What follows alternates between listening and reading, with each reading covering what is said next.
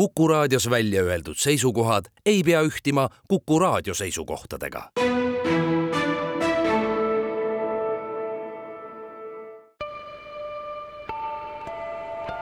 ilmaparandaja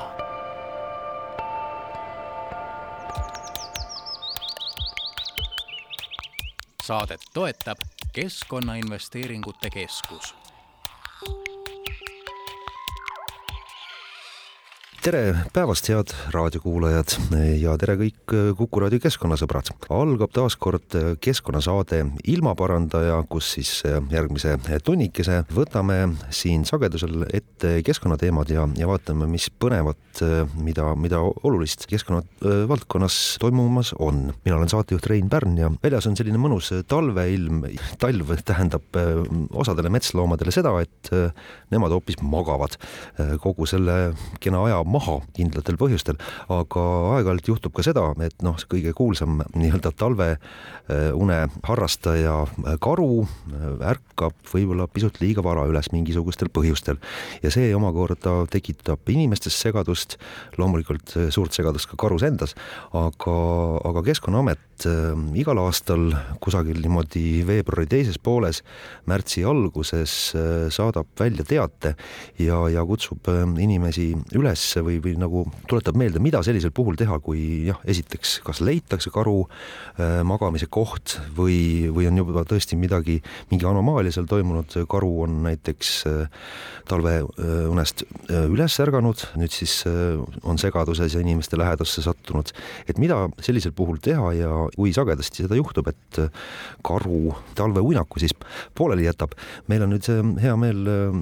näha äh, ilmaparandaja stuudios Keskkonnaameti loomaabi peaspetsialist Karmel Ritsonit. tere, Karmel! tere! ole nii kena, räägi, miks äh, Keskkonnaamet äh, tuletab inimestele meelde, et karu võib aeg-ajalt talveunest üles ärgata ja ka räägib lahti selle, et mida siis teha, kui metsas satutakse karu magamiskoha äh, peale.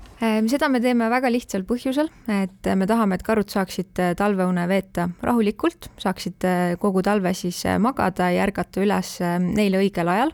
aga paraku ikka juhtub nii, et mõnikord jahipidamise käigus näiteks või mõnikord siis raietööde käigus leitakse mõni karupesa ja nende nii-öelda tööde või jahipidamise käigus aetakse see karu sealt pesalt ära. et kuna karud on meil siis taliuinakus, mitte talveunes, et nende jaoks on see väga selline sügav uni, aga, aga nad ei ole jah, täiesti nii sügavas unes, kui näiteks on meil siilid, et keda nii kergesti üles ei saa ajada.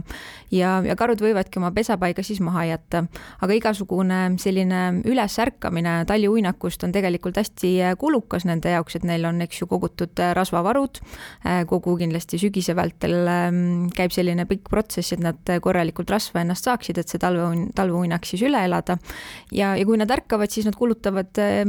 kulutavad neid rasvavarusid ja, ja peavad uue pesapaiga leidma ja nii edasi. ja, ja tegelikult, kui jällegi mõelda ka seaduse peale, siis looduskaitseseadus ütleb, et need isendid, kes meil on, talvituvad või talveunes siis või taliuinakus, et neid ei tohiks häirida. Ja, ja, ja kui keegi juhtubki mõne sellise talipesa peale, siis, siis me palumegi sellest teada anda riigi infotelefonil. number on see üks, kaks, neli, seitse, et kuidas seda on hea meelde jätta, et üks number kakskümmend neli tundi, seitse päeva nädalas, et sinna saab helistada, anda see asukoht teada ja meie siis omakorda Keskkonnaametis võtame selle pesapaiga ja, ja selle nii-öelda ümbruse kolmesaja meetri raadiuses kaitse alla. Ja, ja seal siis igasugune raietöö või jahipidamine ja kõik muu taoline tegevus tuleb lõpetada, et tagada, et karu saaks siis äh, ikkagi oma talveune äh, või taliuinaku siis rahus äh, lõpuni viia. kui palju teateid on juba tulnud, noh jah, karu magamiskoha leidmistest või kas juba on teateid ka, et mõned karud on üles ärganud ja, ja juba liiguvad metsades ringi? ülesärkamise teateid veel ei ole, küll aga on tõesti meieni jõudnud sel aastal juba kaks teadet, kus karu on, karu talipesa on leitud ja karu on ka noh, selle häirimise tulemusel siis tõesti üles ärganud ja pesast ka lahkunud. kui jah, sagedasti noh, igal aastal selles mõttes seda juhtub, et tõesti satutakse karupesa peale, ma ei teagi, kas siis hakatakse uudistama, et mis seal toimub ja selle tõttu tõepoolest karu ärkab üles, et, et nagu inimene nagu tahtlikult ajabki karu, karu nagu üles, tuleb selliseid asju ette ma ütlen, et äh, päris tahtlikult ma usun, et keegi seda tõesti ei tee, et, ähm, et karud, ähm, mina kasvasin, ma võib-olla toon siin kohe hea näite, et mina kasvasin üles teadmisega, et karud magavad kuskil koopas, lähevad talveks koopasse ära ja, ja kes neid seal siis häirib. aga tegelikult, kui keegi näitas mulle üks hetk nii-öelda päris äh, talipesast siis pilti, siis ma mõtlesin, et ohoo, et sellele võib tõesti niisama otsa koperdada, et äh, karud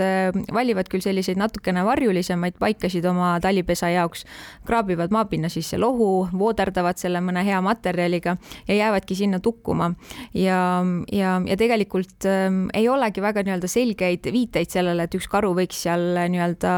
magada. tihtipeale tõesti juhtutakse täitsa kogemata nende pesade otsa, samamoodi raietööde või jahipidamise käigus, et, et inimesed õnneks ikkagi annavad meile sellest kohe teada ja keegi sinna ikkagi uudistama ei jää, et, et need mõlemad teated, mis, mis meile on tulnud, et, et raietööde käigus siis aeti üles talve, tal-, taliuinakus karu, et need tööd seal ka kohe tegelikult äh, nende metsategijate puhul siis lõpetati, et nad ise juba olid piisavalt teadlikud, et, äh, et nad enam seal töid ei jätka. no samas mina olen kuulnud, karu ise ikkagi tähistab oma seda magamispaika või uinakupaika, et murrab seal oksi ja nagu jätab teate, et ärge teie, teised karud siia tulge, et ma siin juba võtsin omale koha sisse. või siis kas siis talvel, ma ei tea, lume või tuulega need, need märgid nagu kaovad ära või või kuidas sellega on? jaa, äh, selles suhtes küll äh, täiesti õigus, et äh, karud võivad ka oksi sinna nii-öelda ümbrusesse murda ja nii tähistada oma, oma seda paika, aga on teada, et igasugused sõralised ju käivad ka meil metsades ringi, söövad erinevaid oksi, murravad võib-olla natukene nõrgemaid puid seal ja ja nii edasi, et võib-olla alati seda murdunud, murdunud oksa ei, ei seostata kohe, et siin võiks üks karupesa olla. et karud, eks ju, magavadki terve, terve talve siis seal pesas ja, ja ei ole seal kuskil karu käpajälgi näha, ei ole seal näha ka väljaheiteid, vaid ja tõesti on täitsa loogiline, et äh, lumi, lumi sajab ja lumi katab ka võib-olla need äh, murdunud oksad seal ära, et, et kohe neid ei olegi märgata loodame, et ei koperdata päris karule otsa, vaid kui juhtub inimene nägema, et nüüd on, siin on küll see karu magamise koht ja siis ma saan aru, tuleks ikkagi täpselt sama teed pidi, kust tuldi kiiresti tagasi, minna ja siis teatada, eks ole, Keskkonnaametile, et on vist ka soovitus, et nagu neid kohti sotsiaalmeedias mitte jagada. et see ilmselt kutsub inimesi sinna hoopis juurde ja,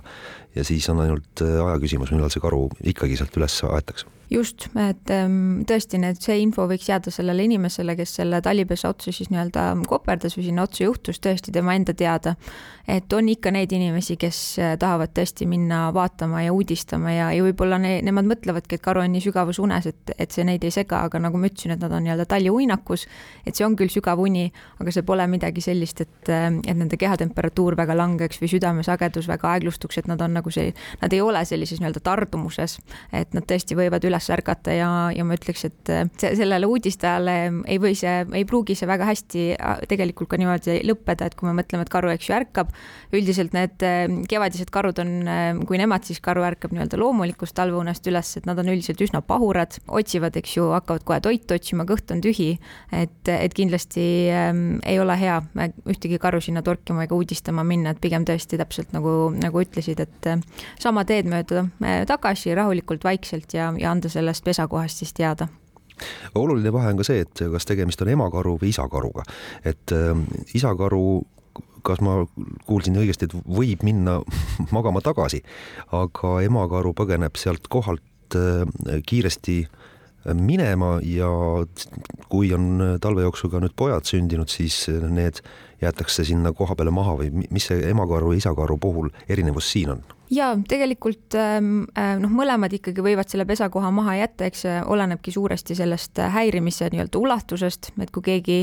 nii-öelda noh, oli niisugune lühiajaline hetkeline häirimine, ärgati ja, ja see nii-öelda häiring siis lahkus või lõppes, et, ähm, et siis nad võivad naasta samasse pessa, aga, aga üldjuhul on ikkagi tavaks see, et nad valivad endale siis mõne muu äh, või uue pesakoha, kus ülejäänud siis talv unes veeta ja tõesti, emakarude puhul on nii, et äh, nemad jätavad äh, oma pojad äh, enamasti jällegi pessa maha, ei saa muidugi jälle välistada, et ei saa nii-öelda öelda, et ükski emakaru kunagi tagasi ei tule. et me nii täpselt seda nii-öelda hingeelu neil ei tea ja eks iga karu ole erinev aga, aga, aga enamasti tõesti, et kui karupesa on häiritud, et siis ja emal on ka pojad pesas, siis, siis need pojad sinna pessa maha jäävad. eriti just praegusel ajal, kui, kui karupojad on nii-öelda ütleme umbes nii kuu, kuu vanused, et karupojad enamasti hakkavadki sündima jaanuaris, sünnivad sellise kolmesaja viiekümne, neljasajase grammina, silmad suletud, kõrvahabadki veel suletud, et noh, täiesti abitud, täiesti oma emal nii-öelda tuginevad ja, ja praegu nad peaksidki siis umbes kuu vanused olema, et veel nad ei ole valmis äh, kuskile emaga kaasa minema. Ega, ega midagi sellist, et nendele on ka vaja seda turvalist, turvalist kohta siis, kus, kus ikkagi oma, kus üles kasvada need järgmised paar kuud ja enne siis, kui talipesast väljumine tuleb. Aeg-ajalt juhtub ikka kahetsusväärsel kombel ka seda, et emakaru on siis ikkagi pesa hüljanud, on ta siis inimese poolt ära hirmutatud sealt ja ära põgenenud või mõni teine metsloom on otsa koperdanud ja seetõttu on ära põgenenud. aga maha on jäänud siis karupojad ja, ja ole hea, räägi, kui sagedasti üldse jah, seda, seda juhtub, eks me teame neid Broša ja ja mis see teise karupoja nimi nüüd oligi? Polja. Polja lugu väga hästi ja eks neid on ka varem olnud ja kardetavasti tuleb ka veel, aga mis on siin Keskkonnaameti poolsed mõtted, et ja soovitused, et ei jääks neid karupoegi üksinda sinna metsa alla maha? mul tegelikult siin äh, nii-öelda väga head vastust äh, anda ei olegi, et need on väga keerulised olukorrad ja, ja paraku ähm, äh, meie ja inimesena me kindlasti tahame siis kuidagi kindlasti appi tõtata ja midagi nende karupoegade jaoks ära teha aga siin ei tohi tegelikult unustada, unustada seda, et meie inimesena ei saa kunagi äh, kasvatada karupoega üles nii, nagu teeks seda karuema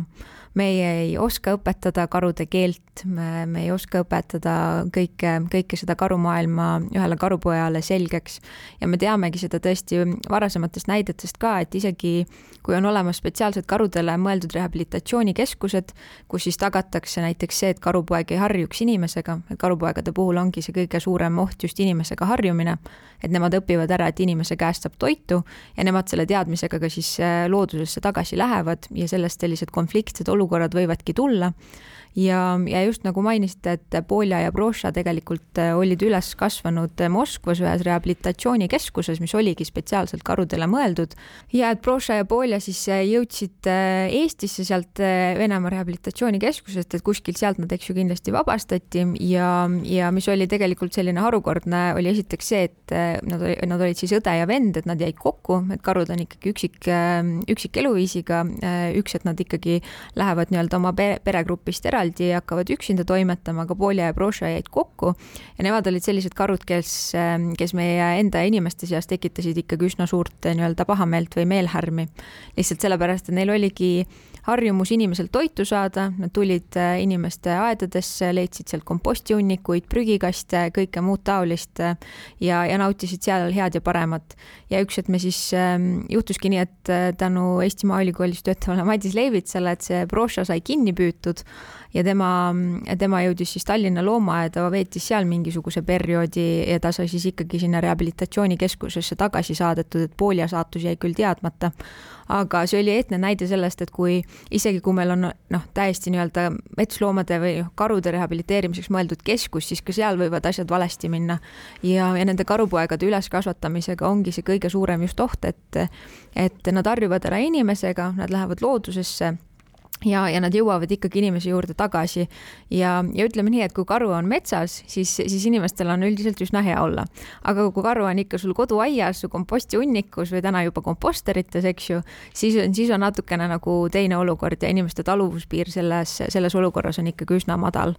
et Broša tõesti oli selline äh,, ma ise kohtasin teda ka Tallinna loomaaes ikkagi, ütleme nii, et ta ei olnud ikkagi päris, päris metsik karu. et suhtles inimesega vabalt ja, ja need on need karud, keda meie oma metsadesse ikkagi ei taha. et nii karm, kui see loodus ka ei ole, siis ja kui armsad need karupojad ka ei, ei paista ja kui abitud, siis midagi pole teha, nad tuleb sinna maha jätta, et loodus teeb seal selles mõttes omad, omad korrektuurid ja ja kui, kui me jah ei taha, et linnas karud nagu tuvid oleksid pargipingi ääres jalutaksid, siis ei ole mõtet neid kaasa võtta, eks ole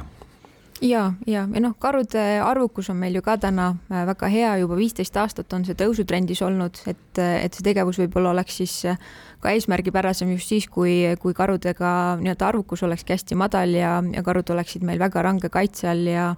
ähm, ja, ja, ja see ja siis oleks nagu ähm, nii-öelda arusaadavam ka, aga praegu, praegu ärme siis sekku looduse loomulikku toimimisse, et jah, see on, see on karm, karm tõsiasi, aga aga noh, loodus toimib äh, loodusele kohaselt ja kui karu ei aeta inimese poolt üles, vaid mingil muul põhjusel seal, siis, siis täpselt samamoodi need pojad sinna jäävad ja, ja mina ikkagi jällegi paneks inimestele südamele ka, et kui te kohtavadki neid ähm, karupoegi, et siis siis tegelikult anda ikkagi karuemale võimalus naaseda, jah äh, üldine levinud arvamus on, et karuema ei tule tagasi, aga, aga mina tahaks anda karuemale ikka selle võimaluse, et me ei jää sinna, me anname karuemale selle rahuliku keskkonda, et ta saaks korra tagasi tulla, kui ta seda soovib, kui ta julgeb. Ja, ja, ja nii, nii me saame nii-öelda kindla, kindlustada, et, et juhuks, kui vähegi võimalik, siis karuema saab ikkagi oma pojad täitsa ise üles kasvatada kunagi ammustel aegadel, eks ju, meil oli see Nigula metsloomade äh, taastuskeskus või, või kuidas seda siis nimetatigi ja, ja seal karu, karusid üles kasvatati, aga ka seal ähm, tegelikult noh oli neid karusid, kes said vabaks ja, ja keda pidi korduvalt ümber asustama, sellepärast et nad kippusid ikkagi inimesele väga lähedale ja ja see on ikkagi hästi äh, tülikas ähm, ja, ja karule see pole ka ju tegelikult üldse mitte hea, kui keegi peab teda kogu aeg uinutamas käima ja torkimas käima ja ja viiakse ta kuskile mujale ja mujale ja mujale, et, et see ei ole lihtsalt äh, praegustes oludes, mis meil praegu on, et ei ole mõistlik. Et võib-olla siia hea näite kõrvale tuua on Rumeeniast, kus, kus seal on siis karude arvukus eriti, eks ju, kas päris suur ja, ja seal on täitsa, täitsa karudele mõeldud metsloomade rehabilitatsioonikeskus, mis on niimoodi nii ürgsas looduses, kui üldse olla saab seal on maad nendele karudele kakskümmend kaks hektarit ja seal on tehtud siis juba natukene vanematele karudele selline süsteem, et äh, toit tuuakse näiteks kas drooniga või mööda ühte trossi, et, et neil ei tekiks mingisugustki seost inimesega, et see on inimasustusest nii eraldi, kui saaks, ei ole selliseid inimasustusele tavas, tavalisi hääli seal ümber, et, äh, et nii, nii ranged protseduurid on, et karu ei harjuks inimesega ja see ongi kõik lihtsalt sellel põhjusel, et me teame, kui lihtsasti see võib juhtuda et eriti, kui veel poeg on üksinda, et kui ta ei ole veel oma liigikaaslaste seas ka veel. Et, et jah, et siis ühesõnaga ei tasu minna nendele karupoegadele tekki peale panema või, või toitma, et see äh, suurendab seda võimalust, et karu ema äh, ei, ei naasegi, võib-olla ta korraks läks kuhugi unesegasena äh, kuhugi, kuhugi puu taha ja, ja võib-olla ei saa päris täpselt aru ja ehk, ehk tuleb meelde, et oot-oot, pojad jäid ju maha ja läheb ikkagi tagasi ilmaparandaja.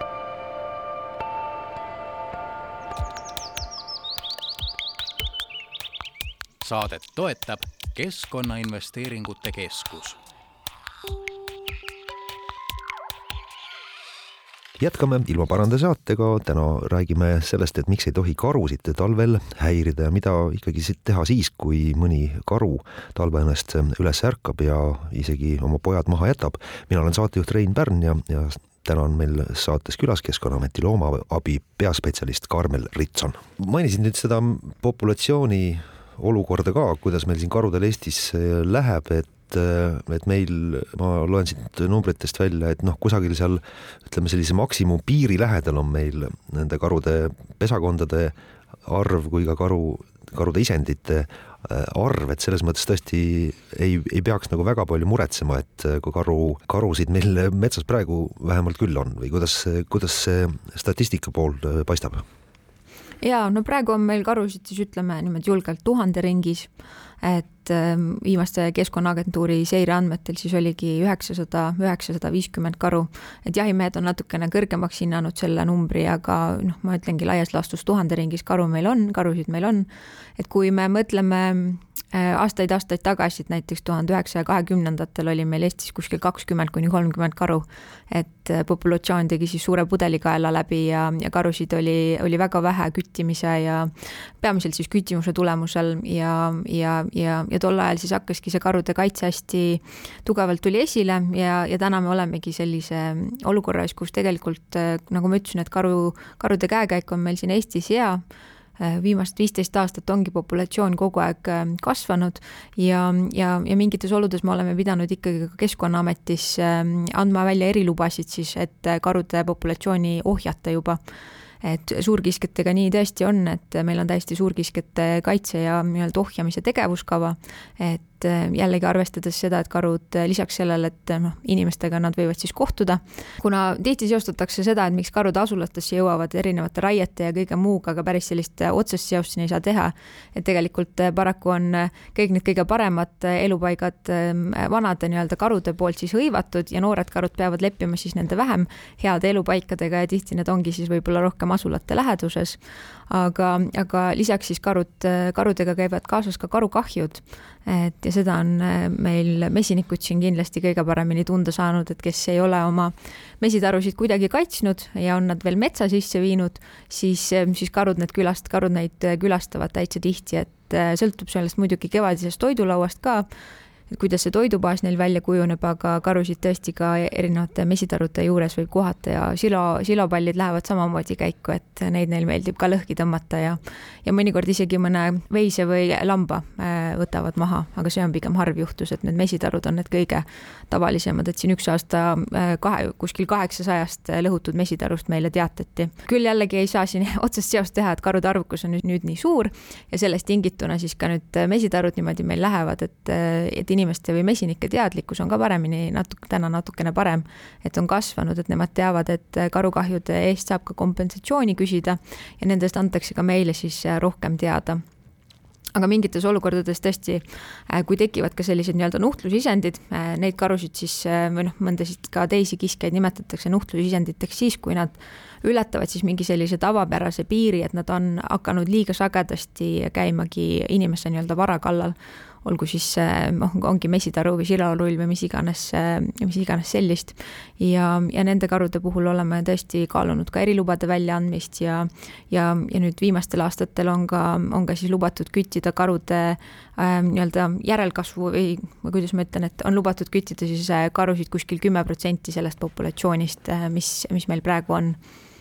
et, et tagada siis seda, et see, et karusid meil nagu liiga arvukalt lõpuks siin Eestis ei oleks. jah, nii kummaliselt äh, või kui vastuoluliselt see ka ei kõla, siis ka karude ohjamise kaudu toimub äh, kõige otsesemalt see karude kaitse, ehk siis äh, püütakse vältida, et karu ei läheks inimese vara kallale, et seeläbi kõik ülejäänud nii-öelda korralikud karud saaksid rahulikult metsas elada, et selline huvitav loogika, aga nõnda see paika on pandud. jah, nii on küsimus või mõte, et äh, kui on probleem, et vanad karud äh, on hõivanud kõige paremad elupaigad ja noored karud nii-öelda, kes siis äh, alles otsivad oma kohta siin ilmas, peavad, peavad jah, oma, oma nii-öelda elupaikasid otsima ja satuvad tihtipeale siis inimese juurde ja nad nagunii ei oska veel päris hästi seal metsas toime tulla. et siis kas, kas ei peaks hoopis nagu neid vanasid karusid sealt otsast nagu harvendama, et võib-olla või, või siis vanad karud kuhugi nagu inimese lähemale tooma või, või nagu selline loogika, kes, kes äh, ei lähe siis kohe otsejoones inimese juurde toitu otsima või, või kas äh, see mõttekäik nagu pädeb? Ma ütleksin, et äh, laseme loodusel loomulikult toimida, et ärme, ärme päris igale poole sekku ja ärme karusid äh, ümber Eesti ümber asustama hakka, et laseme karudel ikkagi ise need piirid paika panna, et kes kus elab, et see on, see on kõik nende enda ikkagi äh, nii-öelda sotsiaalsetes suhetes ja, ja muus taolises kinni, et ma tahaks, et meie inimesena nii-öelda sinna ei, ei sekkuks. Et ähm, see-eest me tõesti äh, kogume, Keskkonnaameti jahinduse ja veelustiku büroo siis kogub äh, statistikat ikkagi, kus piirkondades need kahju, kahjud on kõige suuremad et ähm, ja, ja selle järgi pigem vaadatakse siis, kuidas neid erinevaid jahilube ja küttimislube siis välja antakse ka. et et see, see ei ole nagu midagi sellist, et keegi nüüd mõtleb välja mõne numbri, et see on ikkagi tõesti kõik andmetel põhinev ja, ja pikalt arutatakse neid teemasid, et kuidas, kuidas seda teha ikkagi nii, et karupopulatsiooni äh, me saaksime ohjata ja, ja et kuidagi keegi ei kannataks ka. Et tihti suurkiskjatega käibki kaasas see mure, et mida rohkem nad siis inimasustuse lähedale satuvad või mida rohkem kahjustusi nad tekitavad, et seda nii-öelda konfliktsemaks nad inimeste jaoks muutuvad ja, ja seetõttu meie siis võib-olla selle ohjamisega ka ennetame tõesti neid olukordi, et, et me ikkagi tunneksime rõõmu, et meil on siin karud ja meil on ka hundid ja teised ja ilvesed, eks ju. et, et meil, et nad ei tekitaks meile pahameelt, vaid et me oleksime uhked, et meil sellised liigid siin Eestis olemas on ja, ja, ja, ja et ei peaks keegi nii-öelda pahameelt tundma, et keegi nendest käib nende vara kimbutamas. küll siin tuleb igal nii-öelda mesinikul ja, ja põllupidajal teisel tegelasel iseendale ka nii-öelda otsa vaadata või peeglisse vaadata, et mida mina olen üldse teinud oma vara kaitseks, et ei tohi seda unustada nagu ma enne ka mainisin, et väga lihtsasti tegelikult saab karusid mesitarudest eemal hoida, et tuleb elektrikarjusega ümbritseda, et milline, milline see elektrikarjuse kõrgus on või palju neid liine peab olema, et sellest tegelikult saab ilusti Keskkonnaameti kodulehel lugeda, et me oleme jällegi jahinduse ja veelustikubüroos siis töötanud välja need kõige paremad nii-öelda ennetusmeetmed, et kuidas, kuidas siis saab oma vara kaitsta ja, ja, ja kuigi need on ikkagi ette võetud, siis, siis enamasti tegelikult äh, vara kahjustada ei saa, et kui sa oled ikkagi korrektselt äh, elektrikarjust paigaldanud ja seda ikka ilusasti hooldanud, seda ümbrust seal. jah, veel üks põhjus, miks karu ei tohi siis põõnamisel segada ega, ega üles ajada, sest on praegu ju ka see, et, et kui aknast väljagi vaadata, siis jää on, tähendab, maa on jääs ja külmanud ja pole seal äh, karul midagi eriti süüa, et võib-olla kui märtsi äh, teises pooles karu nagu loomulikult üles ärkab, on maa juba üles sulanud ja, ja saab sealt äh, toidupoolist karu hõlpsamini kätte ja, ja praegu sellise unesegasena noh, kuhu ta ikka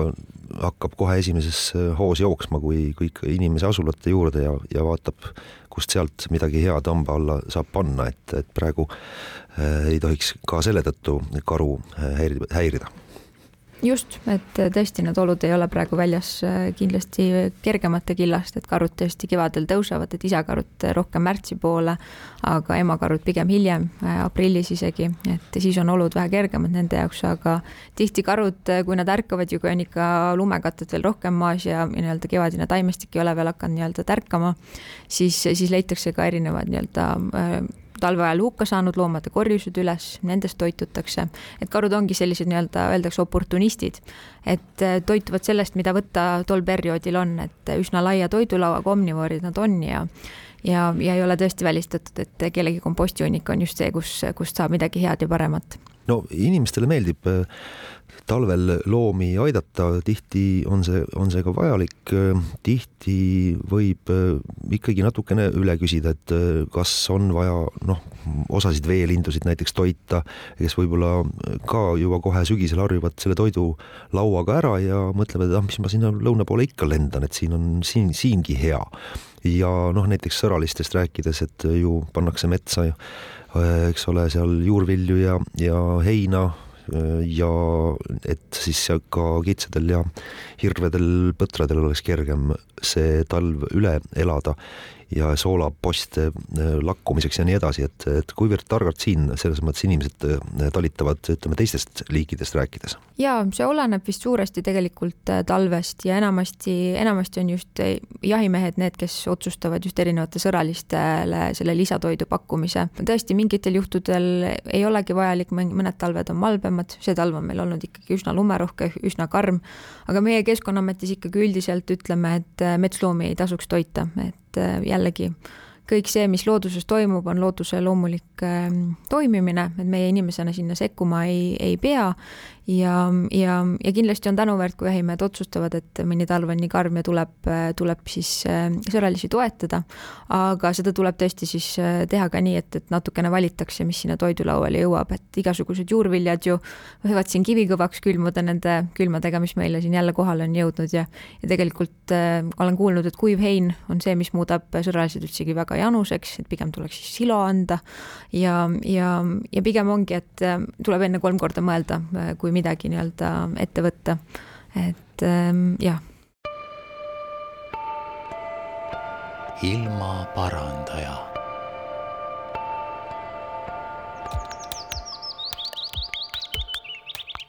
saadet toetab Keskkonnainvesteeringute Keskus jätkame ilmaparande saatega, täna on meil saates külas Keskkonnaameti loomaabi peaspetsialist Karmel Ritson. viimastel aegadel mina olen kuulnud lugusid, kus sarvelised sõralised on saanud ligi kuidagi rapsile ja raps mõjub ju sootuks. Omamoodi teeb nad kuidagi uimaseks või purju. Ja siis jäävad nad, noh, üks video oli, kus sõraline kits, noor kits oli keset teed ja ära ei tahtnud minna ja, ja kusagil oli lugu ka sellest, kuidas äh, purjus olekus äh, kas põder hakkas inimest kummalisel kombel väga agressiivselt ründama ja nii edasi. et kuidas nad rapsile ligi pääsevad või kas inimesed toidavad rapsiga siis neid? ei ähm,, rapsipõllud on meil ikka ju olemas ja inimesed üldiselt rapsiga neid toitma ei lähe ja tegelikult raps kui selline ei kujuta äh, ühelegi metsloomale mingisugust ohtu, ei kujuta ka see ohtu, kui põllumehed, eks ju äh,, mingil ajal rapsi siis erinevate taimekaitsevahenditega äh, töötlevad, ma ei tea, kas nii on õige öelda, aga aga, aga paraku praegu, kui rapsimürgitus on rohkem esile tulnud, siis, siis tihti süüdistatakse miskipärast selles põllumehi, et nemad eh, kasutavad eh, erinevaid aineid siis oma vilja nii-öelda kaitseks ja ja see siis on loomade organismi üle kandunud, et päris nii tegelikult ei ole. Ja tegelikult, nagu ma ütlesin, et raps metskitsele ohtu ei kujuta, eh, aga, aga mõnikord juhtub nii, et kui see metskits ei ole väga mitmekesise toidulauaga, siis ja ta toitub mingil perioodil ainult rapsist, siis tõesti sellised rapsimürgistuse või rapsipimeduse isegi nähud võivad esineda, aga jällegi, et see on, see on ka loomulik osa tegelikult loodusest et, et meie Keskkonnaametis ei pea vajalikuks äh, sinna sekkuda. et jah, muidugi, kui need loomad on teedel ja, ja, ja satuvad sellistesse või panevad ennast kuidagi ohtlikesse olukordadesse, siis me oleme neid äh, ümber asustanud kuskile sügavamatesse metsadesse, et nad saavad siis seal oma looduslikus keskkonnas taastuda. eriti kui me räägime metskitsedest, kes on ääretult niisuguse äh, õrna närvisüsteemiga, et äh, igasugune selline inimkontakt võib neile ka väga järsult äh, mõjuda eriti kui nende or organism on millegi poolt siis veel kurnatud, aga, aga üldjuhul, kui, kui metskitsed, eks ju, toituvad nii-öelda mitmekesiselt, siis, siis ei ole siin äh, üldse sellist muret, et äh, mõnel aastal on neid nii-öelda rapsimürgistuse tunnusega kitsesid rohkem, teine aasta jällegi vähem, et, et ju see sõltub ka siis talvest ja nende nii-öelda looduslikust, looduslikumast siis toidu, toidubaasist, aga aga meie Keskkonnaametis ei, ei pea vajalikuks siin nende metskitsede ellu sekkuda. Et äh, kui on üks loom nii rumal, et las ta siis olla ja polegi sellist loodusesse vahe või kuidas see loogika siin on? kui, kui nii otse siis öelda, siis võib-olla küll, aga, aga noh, looduses ju käib kõik omasoodu ja loodus teeb omad korrektuurid ja looduslik valik ähm, on täiesti olemas ja ja võib-olla sellest ühest rapsimürgitusest metskitsast saab kellegi teise toidulaud, et looduses ei lähe ju ka mitte miski raisku, et igasugune haige loom või vigastatud loom või, või isegi hukkunud loom, et see on kullaväärtusega, eriti just siin talvisel ajal, et et ärme siis võib-olla selle tegevusega võta mõne teise looma toidulauda ära, et mõtleme asja peale nii, et millal me sekkume, kui palju me sekkume, et et pigem, pigem ikkagi anname loodusele võimaluse omasoodu toimida oli küsimus ka veelindude kohta, et äh, milliseid ja, ja üleüldse selline talvine lindude toitmine oma akna taga ka, et kuivõrd äh, hästi siin Keskkonnaamet kõigele sellele vaatab ja, ja kuivõrd targalt inimesed äh, tänasel päeval Eestis talitavad ja talvine selline aialindude toitmine, et see on, enamasti teevad seda inimesed ikkagi sellisel õilsal eesmärgil, et nad tahavad ka neid linde tegelikult jälgida, neid vaadelda, nende kohta midagi tundma õppida. et, et selle poolt me oleme nii-öelda sada protsenti, et inimene õpib siis selle tegevuse käigus midagi. et ei tohi lihtsalt ära unustada, et kui sa oled toitmisega alustanud, siis tuleb seda ikkagi talve lõpuni välja teha jällegi tuleb vaadata ka, milline see toit on äh, nii-öelda sobiv, et äh, ja ei tohi ka unustada tegelikult igasugust äh, jällegi hügieeni isegi nendes toidukohtades. et erinevad jällegi lindude seas võivad ka erinevad haigused minna levima, et kui nad kasutavad seda toidukohta, sama toidukohta kogu aeg. seal tuleb ka ikkagi ilusasti puhtust hoida, et, et see on ikkagi tegelikult ettevõtmine, et kui niisugune tunne, et, et viskan aknast natukene seemuskaid välja ja ongi kõik, et tegelikult see on ikkagi suur töö, et, et kui sa oled selle nii-öelda ette võtnud. mis puudutab nüüd veelindude toitmist, siis Äh, siis, siis tõesti veelindude toitmisega tegelikult tahetakse tegeleda just sügiseti, kui need esimesed külmad kätte jõuavad ja siis inimesel läheb kuidagi süda kohe härdaks ja tahaks midagi veelindude jaoks ära teha. ja, ja see on see kõige, kõige kehvem hetk, kus üldse midagi teha. et kui me, kui meie nagu loome lindudele siis nii-öelda sellise keskkonna, et nad või tunde, et oh, siin on päris hea olla, et pakutakse süüa ja, ja toidulaud on rikkalik, et siis tõesti nad ei pruugigi rändele minna ja siis me oleme nii-öelda jälle võtnud nagu vastutuse nende lindude eest, kes siia on jäänud. mõnel juhul on see täiesti tavaline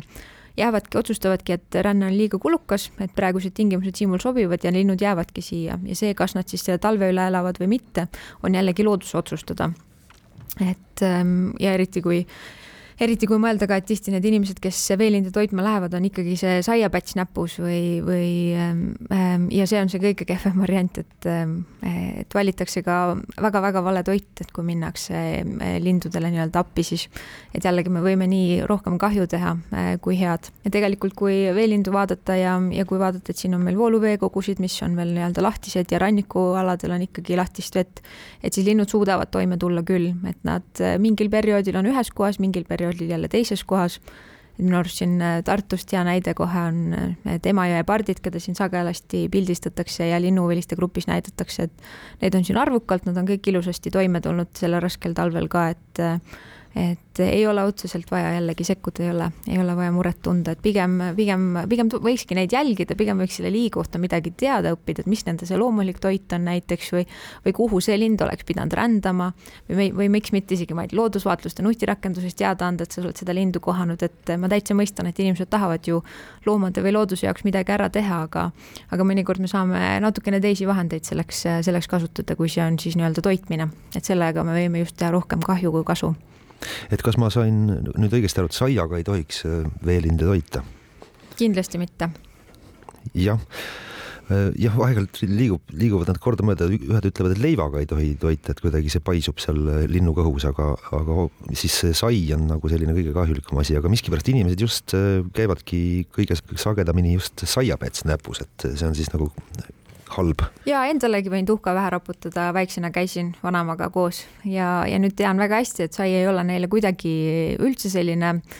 ütleme siis inimese poolt valmistatud küpsetis äh, ei ole nendele nii-öelda liigiomane, liigiomane toit ja, ja sellepärast me seda tõesti ikkagi täna peame ka ütlema, et see on umbes samast auku nagu siilidele läheb piima andmine, eks ju, et jällegi väiksena sai seda tehtud ja täna juba teame paremini, et, et see siilile üldse ei sobi ja jälle võib, võib tõesti loomale nii-öelda hukatuslikult mõjuda. et selle saiaga on mul ka toredaid näiteid siin enda töövaldkonnast, et äh, mõnikord juhtubki nii, et see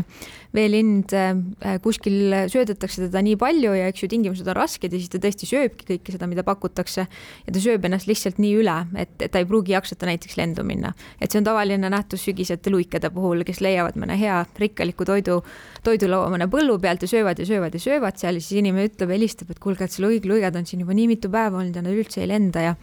et nad võivad lihtsalt olla ennast nii täis söönud, et nad ei jaksagi kohe kuskile nii-öelda lendu minna. et seda tuleb ka ette ja eriti, kui, kui toidulaud ei ole nii õige ja mitmekesine, et ja eriti, kui inimene lähebki saia või mõne muu küpsetisega siis linde toitma mainisid ka siili, et ka tema on üks selline tegelane, kes talve saadab mööda magades, aga on ka ette tulnud lugusid kus äh, siil äh, ka miskil põhjusel siis aetakse talveunest üles, et äh, jah, ma ei tea, kui palju teate, et teil nendest juhtumitest tuleb ja mida sellisel puhul siis ette võtta, kui siil su, su kodu ukse ette unisena tuleb jaa, äh, siilid tõesti, üks asi on, kas neid aetakse talveunest üles, et mõni koer näiteks kraabib välja. Ähm, sel aastal oli ka neid juhtumeid, et kuna siin seda lund on, eks ju, tulnud ja sulanud ja tulnud ja sulanud, et siis mõni siil sulas kuskilt välja. et neid juhte on, juhtumeid on ette tulnud ja, ja tegelikult inimesed juba täna teavad, et, et meil on olemas sellised metsloomade abistamisega tegelevad MTÜ-d üheks nendeks on näiteks Siilipusa MTÜ või Eesti Metsloomaühing, kes, kes, kes nendele siilidele siis on valmis ka nii-öelda appi ruttama. et ähm, jällegi mõnel juhul on see meie jaoks kui looduse loomulik toimimine, aga kui meil on neid inimesi, kes soovivad seda nii-öelda teha, neid siile abistada, nad teevad seda õigetes tingimustes, õigete eesmärkidega, ehk siis äh, nad tagavadki selle, et see siil saaks äh, selle talve siis veeta sobivates tingimustes, et Ähm, ja, ja turvalises kohas ilma, ilma ikkagi selleta, et tal tekiks mingisugune tugev seos inimesega ja kevadel lastakse nad vabaks, et siis, siis võib ju julgelt mõne MTÜ poole pöörduda. et meie Keskkonnaametis ähm, küll mingit sellist hoiukodu ise ei oma või mingit keskust, ähm, kus, kus kellelegi, kus kedagi nii-öelda üle talve hoida, aga, aga meil on neid häid inimesi, kes, kes sinna tahavad panustada ja ja nad on Keskkonnaameti siis koostöölepingulised partnerid ja, ja nende poole tõesti võib, võib pöörduda küll aga see ei tähenda, et me peaksime nüüd kõik Eesti üles ärganud siilid kuskil ühte kohta kokku tooma ja neid siis seal üle talve hoidma, et et ikkagi teeme seda ka mõistuse piires ja, ja jah, et igasugusel ju transpordil on ka oma, oma jalajälg ja, ja kõik see muu siiapoole ka. Et osaliselt, kui see on looduse loomulik äh, osa, siis, äh, siis, siis jällegi meie Keskkonnaametis näeme, et äh, laseme loodusel toimida just nimelt, laseme loodusel toimida ja ärme sega, ärme häiri, eriti nüüd siin karusid, kellest see jutuajamine meil siin täna üldse alguse sai, et, et häda, häda on, et aeg-ajalt ikka inimesed satuvad magava karu otsa, ajavad ta üles, pojad jäävad maha ja siis on pahandus jällegi majas. noh, loodame, et nii, nii mõnigi tulevane karu pesale otsa, otsa ei jaluta ja nüüd sai omad juhtnöörid kätte, et eh, tuleb siis ikkagi Keskkonnaametit teavitada, teie tulete, eh, ma ei tea, kuidas see kolmesaja meetri raadiuse piiramine sellegipoolest käib, et mis te seal täpsemalt teete või kuidas te informeerite inimesi, et siin on, siin on karupesa? selleks on meil äh, olemas liigikaitsebüroo, liigikaitsespetsialistid äh, ja, ja see info veel edastatakse äh, minu teada vist Keskkonnaagentuurile, et ma nüüd jällegi natukene jään vastuse võlgu, aga, aga kes siis paneb selle kaardi peale ja, ja teadvitatakse neid inimesi vist, kes on sealt ka me, noh, metsateatised välja andnud. selge on see, et informeeritud igal juhul äh, mm -hmm. asjaosalised ja kohalikud äh, saavad äh, päris kindlasti, see on selge. võib-olla jääb kõlama, et nagu neid karusid, keda üles aetakse, on meeletult ja et neid poegi, keda, kes jäävad sinna loodusesse, on ka meeletult, aga tegelikult need on ikkagi üksikud juhtumid ja ja pigem ikkagi karud saavad enamjaolt oma talve mõnusasti üle veeta, et oma talipesas, ilma et keegi neid häirima läheks, et praegu on ju meil veebruarikuu, eks ju, on praegu kaks teadet tulnud, et, et pigem on need tõesti üksikud juhtumid no loodame seda, et, et nendeks üksikuteks juhtumiteks see ka jääb mm. -hmm. väga tänan Keskkonnaameti loomaabi peaspetsialist Karmel Ritson meile täna ilmaparandaja stuudiosse tulemast, karujutte rääkimast ja soovin kena mõnusat rahulikku talve jätku ja meeldivat nädalavahetust. Aitäh! ilmaparandaja.